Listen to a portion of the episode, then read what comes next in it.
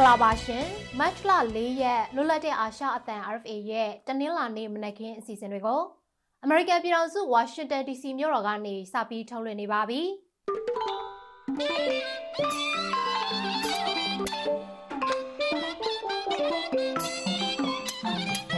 ကျမဇူလိုင်မျိုးပါရှင်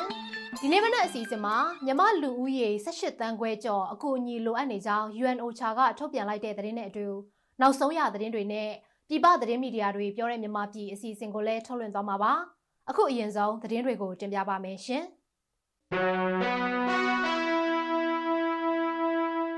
မြမလူဦးရေ18တန်းခွဲကျော်ဟာအရေးပေါ်လူသားချင်းစာနာမှုအကူအညီလိုအပ်နေတယ်လို့ကုလသမဂ္ဂလူသားချင်းစာနာမှုဆိုင်ရာပေါင်းဆက်ညှိနှိုင်းရေးယုံ UNOCHA ကမနေ့ကကြေညာပါတယ်တိုက်ပွဲတွေကြောင့်မလုံခြုံတဲ့ကြားမှာငွေကြေးဖောင်းပွားတဲ့ဒဏ်ကြောင့်လူအတော်များများဟာနေ့စဉ်လိုအပ်ချက်တွေကိုပြည့်မီဖို့ မနှဲရုန်းကန်နေရတယ်လို့ဖော်ပြပါဗျ။နိုင်ငံတော်ဝန်မှာပြိပခတွေတိုးလာနေပြီးတော့ဒုက္ခသည်ဥယေလည်းတိုးလာတယ်လို့ UNOCHA ကပြောပါတယ်။လူဦးရေ1.8တန်းနေရဲစွန့်ခွာထွက်ပြေးနေရတယ်လို့လည်းဆိုပါတယ်။ရခိုင်ပြည်နယ်မှာမနစ်ကနိုဝင်ဘာလကစပြီးတော့လမ်းတွေအားလုံးကိုပိတ်ဆို့ထားတာကြောင့်စားနပ်ရိက္ခာတွေရှားပါနေပြီးကုန်စည်နှုန်းတက်လာတယ်လို့လည်းဖော်ပြထားပါတယ်။အခုအညီလိုအပ်နေသူတွေစီကို UNOCHA ကရောက်အောင်စူးစမ်းပေမဲ့လွတ်လွတ်လပ်လပ်သွားလာခွင့်မရဘဲ ရန်ပုံငွေလဲလိုအပ်တဲ့အတွက်ခရီးမပေါက်ဘူးလို့လဲဆိုပါတယ်။အာဆီယံအပါအဝင်နိုင်ငံတကာအဖွဲ့အစည်းတွေအနေနဲ့အမျိုးသားညီညွတ်ရေးအစိုးရ NUG နဲ့ဆက်ဆံဖို့ကုလသမဂ္ဂလူ့အခွင့်အရေးဆိုင်ရာမဟာမင်းကြီးရဲ့တိုက်တွန်းချက်အပေါ်ကိုကြိုဆိုကြောင်း NUG အစိုးရကမနေ့ကထုတ်ပြန်ပါတယ်ရှင်။မြမအရေးဖြည့်ရှင်းဖို့ကုလသမဂ္ဂလူ့အခွင့်အရေးဆိုင်ရာမဟာမင်းကြီးရဲ့တိုက်တွန်းချက်ကိုအမျိုးသားညီညွတ်ရေးအစိုးရ NUG ကကြိုဆိုလိုက်ပါတယ်။အာဆီယံနဲ့ကုလသမဂ္ဂအဖွဲ့ဝင်နိုင်ငံတွေအနေနဲ့ နီလန်သစ်ရှောက်ဖွေချစ်ကပ်ဖို့လိုပြီး NUG တိုင်းသားအဖွဲ့တွေနဲ့နယ်စပ်မှာလှုပ်ရှားနေတဲ့အရက်ဘတ်အဖွဲ့တွေအားလုံးနဲ့ချိတ်ဆက်ဆောင်ရွက်ဖို့လိုတယ်လို့ကုလမဟာမင်းကြီးဗိုလ်ကာထွကကုလသမဂ္ဂလူ့အခွင့်အရေးကောင်စီအစည်းအဝေးမှာဒီလတရက်နေ့ကတင်ပြတာကိုကြိုဆိုလိုက်တာပါ။ NUG ဟာကုလလူ့အခွင့်အရေးကောင်စီနဲ့ပူးပေါင်းဆောင်ရွက်ဖို့ရှိနေတယ်လို့လည်းဆိုပါတယ်။တစ်ဆက်တည်းမှာပဲရခိုင်ပြည်နယ်ကရိုဟင်ဂျာတွေကိုစစ်ကောင်စီကပြည်သူ့စစ်မှုထမ်းဥပဒေအရ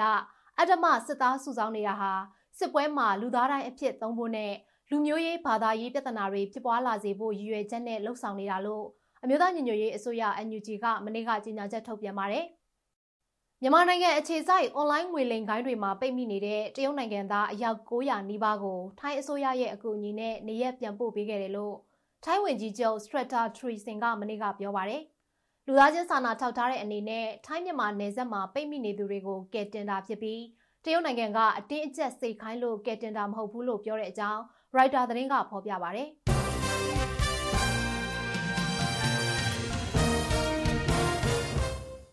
သတင်းတွေကိုတင်ပြခဲ့တာပါအခုဆက်ပြီးသတင်းဆောင်ပါတစ်ပုဒ်ကိုထုတ်လွှင့်ပါမယ်စိုက်ကလုံးမုံတိုင်းကိုအကာအကွယ်ပေးတဲ့ဒီရီတော်တွေကို drone လို့ခေါ်တဲ့မောင်းသူမဲရင်ငယ်သုံးပြီးတော့အချိန်တိုအတွင်းမှာအပင်ပေါင်းများစွာစိုက်ပျိုးနိုင်တဲ့အကြောင်းဒေါ်ဆန်းဆန်းတင်တင်ပြထားပါတယ်ရှင်။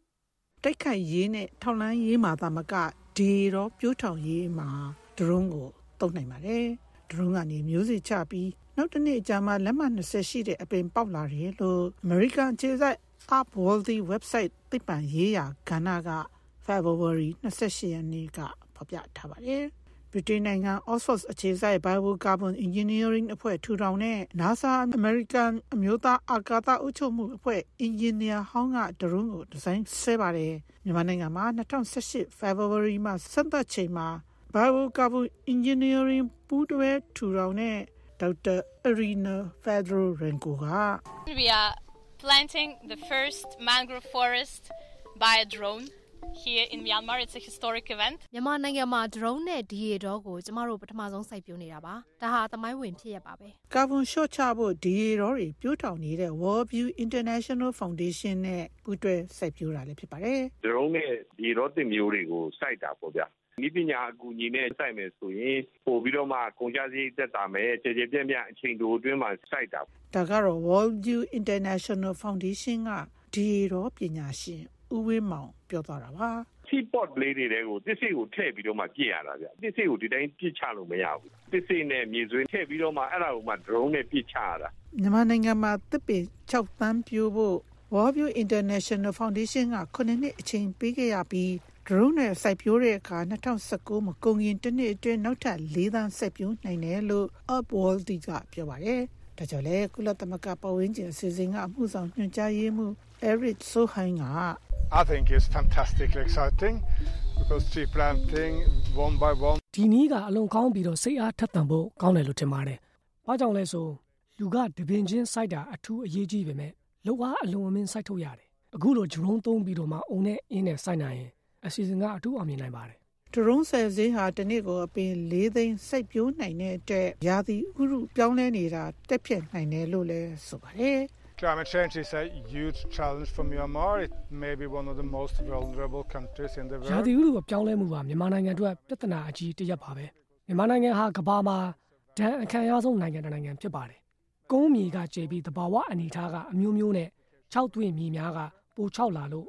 စိုက်ပျိုးရေးကိုလည်းလာထိခိုက်နိုင်ပြီးတစ်တော်ကြီးတွေကလည်းရာသီဥတုပြောင်းလဲတာနဲ့အကျိုးခံစားရပါမယ်။နောက်မြန်မာနိုင်ငံမှာကမ်းရိုးတန်းကရှည်လာတဲ့အတွက်ဒီရေတော်တွေကအချက်ချာကြပါတယ်။ စိတ်ကလုံးနဲ့ရာသီဥတုအစွမ်းရောက်မှုကိုဒီရောတွေကအကာအကွယ်ပေးနိုင်တဲ့အတွက်ဤပညာသုံးပြီးစိုက်ပျိုးနေတာပဲဖြစ်ပါတယ်ရှင် RFA ကဆက်လက်ထုတ်လွှင့်နေပါတယ်ရှင်။အခုဆက်ပြီးတော့ပြည်ပသတင်းမီဒီယာတွေပြောတဲ့မြန်မာပြည်အစီအစဉ်ကိုထုတ်လွှင့်ပါမယ်။ဒီတစ်ပတ်မှာတော့မြန်မာနိုင်ငံမှာတော်လှန်ရေးအင်အားစုတွေအောင်ပွဲခံနိုင်အောင်ပို့ပြီးကူညီဖို့အမေရိကန်နိုင်ငံကိုတိုက်တွန်းထားတဲ့ဆောင်းပါးနဲ့တော်လှန်ရေးအင်အားစုတွေကိုဘယ်လိုနေရာတွေမှာကူညီသင့်တယ်လဲဆိုတာကိုထောက်ပြထားတဲ့ဆောင်းပါးတွေကို ကိုရဲကောင်မြင့်မောင်တင်ပြထားပါတယ်ရှင်။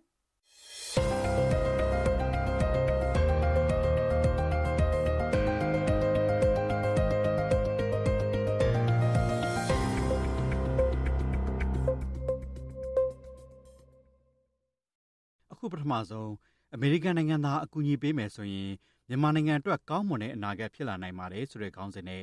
Washington Post သတင်းစာမှာ February လ23ရက်နေ့ကဖော်ပြခဲ့တဲ့ Editor Arbor ဆောင်းပါးကိုတင်ပြပါမယ်။မြန်မာစစ်တပ်ဟာခုချိန်မှာစစ်တပ်ကအာဏာသိမ်းတာကိုဆန့်ကျင်တိုက်ခိုက်နေတဲ့တပ်ဖွဲ့တွေကြောင့်ဆုတ်ခွာပြီးရင်ဆုတ်ခွာနေရပါတယ်။ဒါပေမဲ့လည်းမြန်မာစစ်တပ်ဟာတေချာပေါက်ပြိုလဲတော့မဲ့အခြေအနေတော့မရောက်သေးပါဘူး။မြန်မာစစ်တပ်ရဲ့မြေပြင်တပ်တွေဟာကြဆုံးနေမဲ့အရက်သားပြည်သူတွေကိုထိခိုက်သေးကျေစေပြီးစစ်ရာဇဝတ်မှုမြောက်တဲ့လေကြောင်းတိုက်ခိုက်မှုတွေကိုဆက်လုပ်နေပါတယ်။ဒါအပြင်မကြခင်ကမြန်မာစစ်တပ်ကြုံရတဲ့ဆုံးရှုံးမှုတွေဟာမြန်မာနိုင်ငံရဲ့တရားဝင်အစိုးရလို့ကြွေးကြော်ထားတဲ့ NUG ကြောရောက်နောက်ခံပေးထားတဲ့ PDF တပ်တွေရဲ့တိုက်ခိုက်မှုကြောင့်ဖြစ်လာတာမဟုတ်ဘဲ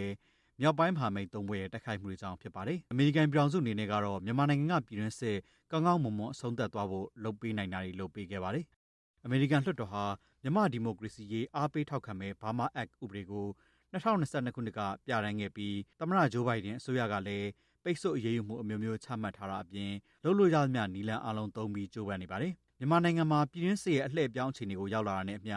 အမေရိကန်နိုင်ငံအနေနဲ့အပြောင်းအလဲဖြစ်လာအောင်ခုရက်ပို့ပြီးလှုပ်လို့ရတာတွေရှိနေပါသေးတယ်လို့ဆောင်းပါကဆိုပါတယ်။ဂျိုးဘိုင်ဒန်အစိုးရအနေနဲ့ NUG အနေနဲ့ကောမြန်မာစစ်တပ်ကိုတိုက်ခိုက်နေတဲ့လက်နက်ကိုင်အဖွဲ့တွေနဲ့ပါထိတွေ့ဆက်ဆံပြီးဒီမိုကရေစီနဲ့ဖက်ဒရယ်အစိုးရဖွဲ့စည်းနိုင်ဖို့ဆိုတဲ့ဘုံရက်တီချက်အောက်ကိုရောက်လာအောင်စုစည်းပေးသင့်ပါတယ်။ဒါအပြင် Burma Act ဥပဒေမှာခြံလှပ်ခဲ့တဲ့မြန်မာနိုင်ငံဒီမိုကရေစီရေးအတွက်အမေရိကန်အစိုးရရဲ့အထူးစိတ်ဆက်ညှိနှိုင်းရေးမှူးတူ ခန့်အပ်ပေးဖို့ဆိုတဲ့အချက်ကိုလည်းဂျိုးဘိုင်ဒန်အစိုးရကအကောင့်ထဲပေါ်ပေးသင့်ပါတယ်။အခုချိန်မှာအမေရိကန်လွှတ်တော်ဟာယူကရိန်းနဲ့အစ္စရေးတို့အတွက်ရန်မုံငွေတွေပေးအပ်ဖို့အတွက်တောင်သဘောတူညီချက်မရနိုင်ပဲဖြစ်နေတဲ့အတွက်မြန်မာနိုင်ငံရေးအတွက်ဒီချက်တွေဆောင်ရွက်ပေးဖို့တောင်းဆိုတာများလွန်းတယ်လို့ထင်စရာရှိပါတယ်။ဒါပေမဲ့လည်းခုချိန်မှာအားလုံးမုန်းတီးနေကြတဲ့စစ်ကောင်စီတဖြည်းဖြည်းကြဆုံးကန်းကိုမြင်နေရပြီဖြစ်တဲ့အတွက်နောက်တစ်ဆင့်မြန်မာနိုင်ငံရဲ့ဒီမိုကရေစီအနာဂတ်အတွက်ခုကလေးကကြိုတင်ပြင်ဆင်ဖို့လိုနေပြီဖြစ်ပါတယ်လို့ Washington Post ရဲ့ဆောင်းပါးမှာဖော်ပြထားပါတယ်။အခုဆက်လက်ပြီးအမေရိကန်လွှတ်တော်ရဲ့လှုပ်ရှားမှုတွေအကြောင်းဖော်ပြတဲ့ The Hill သတင်းစာမှာဖေဖော်ဝါရီလ29ရက်နေ့ကဖော်ပြခဲ့တဲ့မြန်မာပြည်သူတွေဒီမိုကရေစီတိုက်ပွဲမှာအနိုင်ရအောင်အကူအညီပေးဖို့အချိန်တန်ပါပြီဆိုတဲ့ခေါင်းစဉ်နဲ့အေဒီတာအာပေါ်ဆောင်းပါးကိုဆက်လက်ပြီးတင်ပြပါမယ်။အမေရိကန်နိုင်ငံအနေနဲ့မြန်မာနိုင်ငံကတော်လှန်ရေးအင်အားစုတွေအောင်ပွဲခံနိုင်မှုပိုပြီးအကူအညီပေးလို့ရမယ့်နေရာ၃ခုရှိပါတယ်လို့ဆောင်းပါးကဆိုပါတယ်။ပထမတစ်ခုက တရုတ်နိုင်ငံနဲ့စိစက်ညှိနှိုင်းပေးဖို့ဖြစ်ပါတယ်။တရုတ်ဆိုရဟာအာနာသိန်းစစ်တပ်ကိုထောက်ခံတဲ့ရည်တည်ချက်ရှိခဲ့ပေမဲ့ခုနောက်ပိုင်းမှာသဘောထားပြောင်းလာပါတယ်။တော်လှန်ရေးအင်အားစုတွေကိုအားပေးကူညီဖို့အမေရိကန်နဲ့တရုတ်နိုင်ငံသဘောထားချင်းတူသွားတဲ့အခိုက်အတန့်ကိုအကောင်းဆုံးအသုံးချဖို့လိုပါတယ်။တကယ်လို့သာတရုတ်နိုင်ငံကဂျားဝင်စစ်ဆက်ပေးတဲ့ငြိမ်းချမ်းရေးသဘောတူညီချက်အောင်မြင်သွားမယ်ဆိုရင်မြန်မာစစ်တပ်ကြဆုံးမဲ့အလားအလာပျောက်ဆုံးသွားပြီးမြန်မာပြည်သူတွေဆင်းရဲဒုက္ခခံနေရတာပိုရှည်ကြလာမှာဖြစ်ပါတယ်။တစ်ဖက်မှာလည်းအမေရိကန်ရဲ့ ဂျားဝင်ဆောင်ရွက်မှုဟာတရုတ်နိုင်ငံအတွက်ချင်းချောက်မှုလို့မမြင်အောင်ကြိုးပမ်းမှုလိုပါတယ်။နောက်ပြီးအမေရိကန်ကနေကူညီပေးလို့ရမယ့်ဒုတိယနေရာကတော့ Burma Act ဥပဒေအရတော်လှန်ရေးအင်အားစုတွေအတွက်လက်နက်မဟုတ်တဲ့အကူအညီတွေပေးနိုင်တဲ့အကူအညီအလုံးပေးရသွားဖို့ဖြစ်ပါတယ်။သူပြင်စစ်မြေပြင်သုံးအကာအကွယ်ပစ္စည်းတွေထောက်လိုင်းရေးဒရုန်းယာဉ်တွေနဲ့စေဝါပစ္စည်းလိုအကူအညီတွေကိုပေးရနိုင်မယ်ဆိုရင်တော်လှန်ရေးအင်အားစုတွေအောင်ပွဲခံနိုင်မှုထိရောက်တဲ့အကူအညီတွေဖြစ်လာမှာဖြစ်ပါတယ်။တတိယအနေနဲ့ မြန်မာနိုင်ငံမှာအနာဂတ် Federal Democracy နိုင်ငံတည်ထောင်မှုအတွက် NUG နဲ့တိုင်းရင်းသားတော်လှန်ရေးအဖွဲ့တွေကိုလိုအပ်တဲ့အကူအညီတွေပေးအပ်ဖို့ဖြစ်ပါတယ်။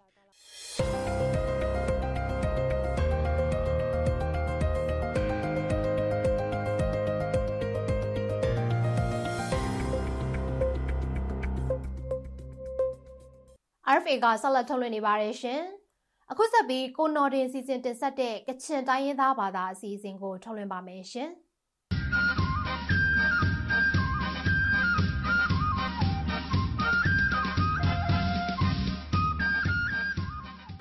ఆలోచన American ముంతన్ Washington DC radio RFA జంబన్సన్ కప్ తావ్ ప్లుమ్లాగాయ్ దైని క్రిస్తు చినే కెంకన్ కుమ్లీ మాసదా ప్రోమ్లీ పల్ంగాయ చపోట్ చికలమాం పే ngai ki phai no den nit la tam lam ne lo dai pa chi ka lamang tha nyu tit kong lo nyen phen dap ni yong lang nak chkran nam tu kya ye sti joy shika เพนกงเสียตามการเพนดับเล็กตำนี้เพะเกียเยทิมสักงาชิกา tam kan janam jo pruwa penyen kim li tuwa nga sai shika the phakam re kata mi prap wan do ai sta mi janwa sai shika ni tam do nai phe na lo na re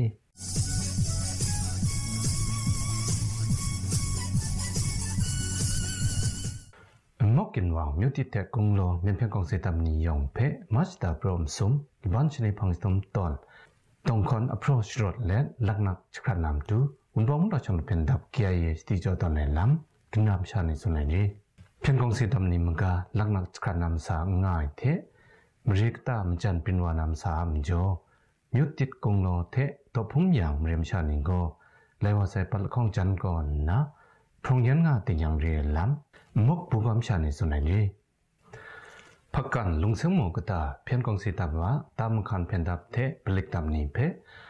กองสีตับว่าตามคันเพียนดับเทปลิกตามนี้เพอุนวามุตาชังเพียนดับเกียยก่อนนะทิมสัตง่ายดีเฟฟารีคุณกุก่อนนะทิมสัตพังวายไทยปลิกตับเพก็เฟฟารีคุณสนิยาชนะสิงมดุลาลุไซลัมเกียยชิกาลอกสุนัยดีตันมาซุมซุมกตานะขมายะลสายชิจกูตามนี้ง่ายตามคันเพียนดับเพทิมสัตงานถึงอย่างไรนะ เพียนกองสีตับมังกาจินากอนาเจนบงนี่นี่วากับกรุไมซอน พักกันตมะกองกนามงลังนักบานี่กับกรุ่มไมติงยังกโลง่ายลำเกียเยสุนันรี